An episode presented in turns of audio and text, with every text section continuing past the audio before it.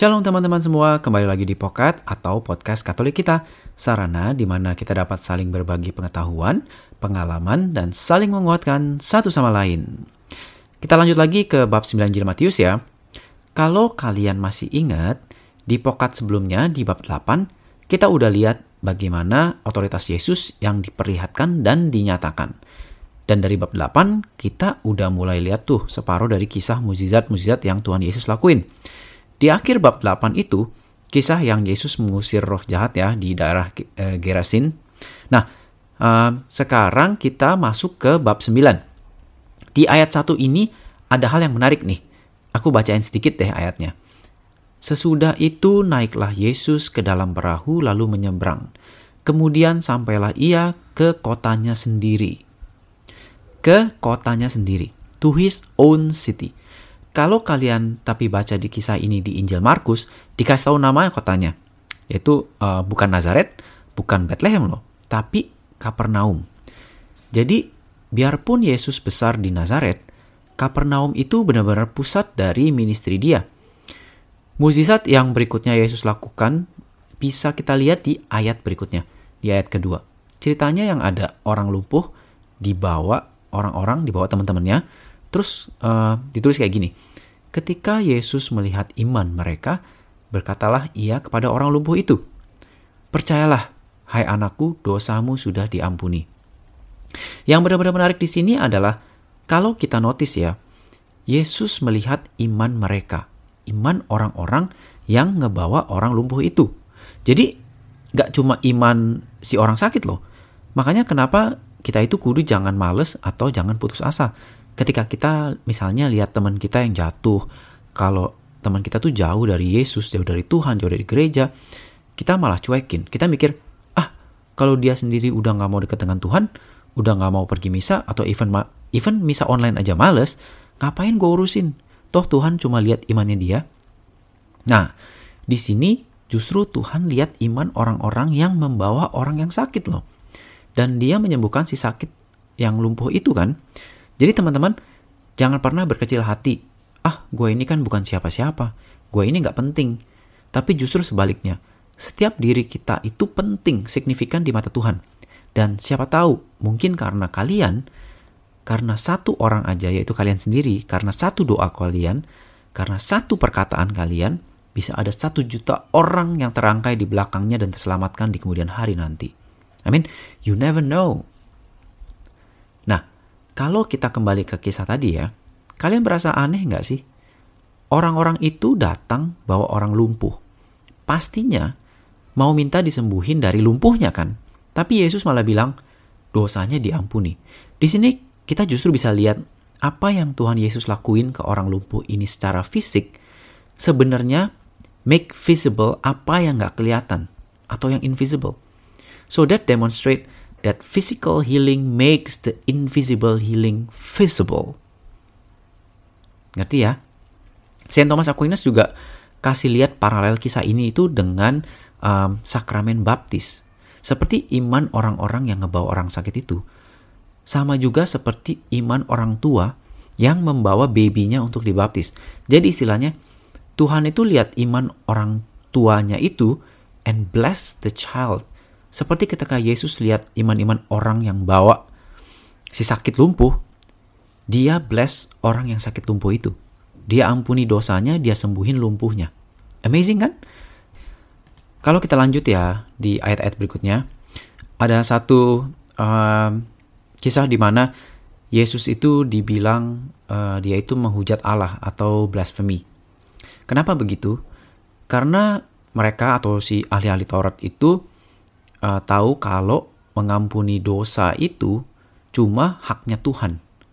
Tapi di sini Yesus terang-terangan bilang kalau dosa si orang lumpuh itu diampuni. Terus kemudian di ayat berikutnya uh, ditulis kayak gini. Ini Matius 9 ayat 5 dan 6. Manakah yang lebih mudah mengatakan dosamu sudah diampuni atau mengatakan bangunlah dan berjalanlah? Tapi supaya kamu tahu bahwa di dunia ini anak manusia berkuasa mengampuni dosa, Lalu berkatalah ia kepada orang lumpuh itu, Bangunlah, angkatlah tempat tidurmu, dan pulanglah ke rumahmu. Nah, di ayat itu aku mau mention beberapa hal yang menarik. Yang pertama, di sini dikatakan lagi soal kuasa, soal authority dari Yesus. Kalau teman-teman ingat, kita udah bahas ini di bab sebelumnya juga kan. Yang kedua, title Son of Man atau anak manusia, Yesus sering banget refer diri dia itu dengan title ini. Son of Man. Sementara nggak pernah ada orang lain yang manggil dia dengan title Son of Man ini loh. Orang-orang manggil dia misalnya uh, Rabbi, uh, guru gitu kan. Nggak pernah ada yang manggil, hey Son of Man gitu. Mungkin teman-teman bingung, ah, apa sih Son of Man? Jadi untuk mengerti ini kita balik lagi ke perjanjian lama ya, Book of Daniel, uh, chapter 7, um, di mana ada seorang seperti anak manusia datang dengan awan, terus dikasih kepadanya kekuasaan dan kemuliaan, dan seterusnya. Kekuasaan itu kekuasaan yang kekal, yang tidak akan lenyap, dan kerajaannya ialah kerajaan yang tidak akan musnah. Nah, anak manusia itu represent semua orang kudus. Jadi kayak apa ya? Kayak seorang raja yang represent his kingdom and his um, all his people gitu. Di sini juga sama seperti itu. Di Daniel uh, bab 7 itu juga ada nubuat atau profesi kapan datangnya Son of Man. Yaitu setelah four beasts yang represent four kings atau four kingdoms. Orang-orang Yahudi zaman itu percaya kalau empat kerajaan itu adalah satu Babylon, dua Medo Persia, tiga uh, Yunani, dan keempat itu adalah Romawi. Jadi kenapa orang-orang waktu itu berharap banget kalau masih Mesias itu yang akan datang di masa-masa kerajaan Romawi.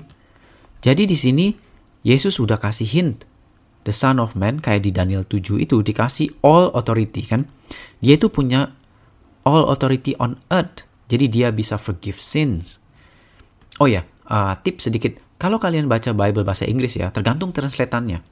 Sayang banget kadang-kadang ada translatan yang jadi tulisannya itu bukan son of man, cuma ditranslate menjadi human being. Itu yang di Daniel 7. Jadinya kalau kalian baca uh, translatannya human being, itu benar-benar hilang gitu Christological connectionnya ke Yesus. Jadi sayang banget. Jadi um, kadang-kadang itu uh, guna banget kalau kita baca itu beda translation kadang-kadang ya. Maksudnya beda, baca translation yang beda-beda lah, maybe one or two different kinds. Terus um, kita skip dan lanjut ke kisah berikutnya yang soal puasa. Yang murid-murid uh, John the Baptist tanya ke Yesus, "Mengapa kami dan orang Farisi berpuasa tapi murid-muridmu tidak?" Jawab Yesus kepada mereka, "Dapatkah sahabat-sahabat mempelai laki-laki berduka cita selama mempelai itu bersama mereka? Tetapi waktunya akan datang mempelai itu diambil dari mereka dan pada waktu itulah mereka akan berpuasa." Ini menarik nih untuk tahu dulu ya backgroundnya. Di zaman itu orang-orang Yahudi puasa dua hari seminggu. Tapi kalau mereka diundang ke perjamuan pernikahan, yang di zaman itu ya, merit itu perayaannya tujuh hari lamanya. Nah, kalau mereka diundang, mereka diperbolehkan untuk tidak puasa. Nah, di sini Yesus refer dirinya sebagai mempelai laki-laki atau the bridegroom. Ini uh, signifikan ya, karena cuma Tuhan yang di refer sebagai bridegroomnya Israel. Nah, kalau kita balik lihat tradisi mereka puasa dua minggu itu, dua hari seminggu itu, itu kan balik ke profet Zechariah. Setelah temple itu dihancurkan, jadi udah lama banget kan.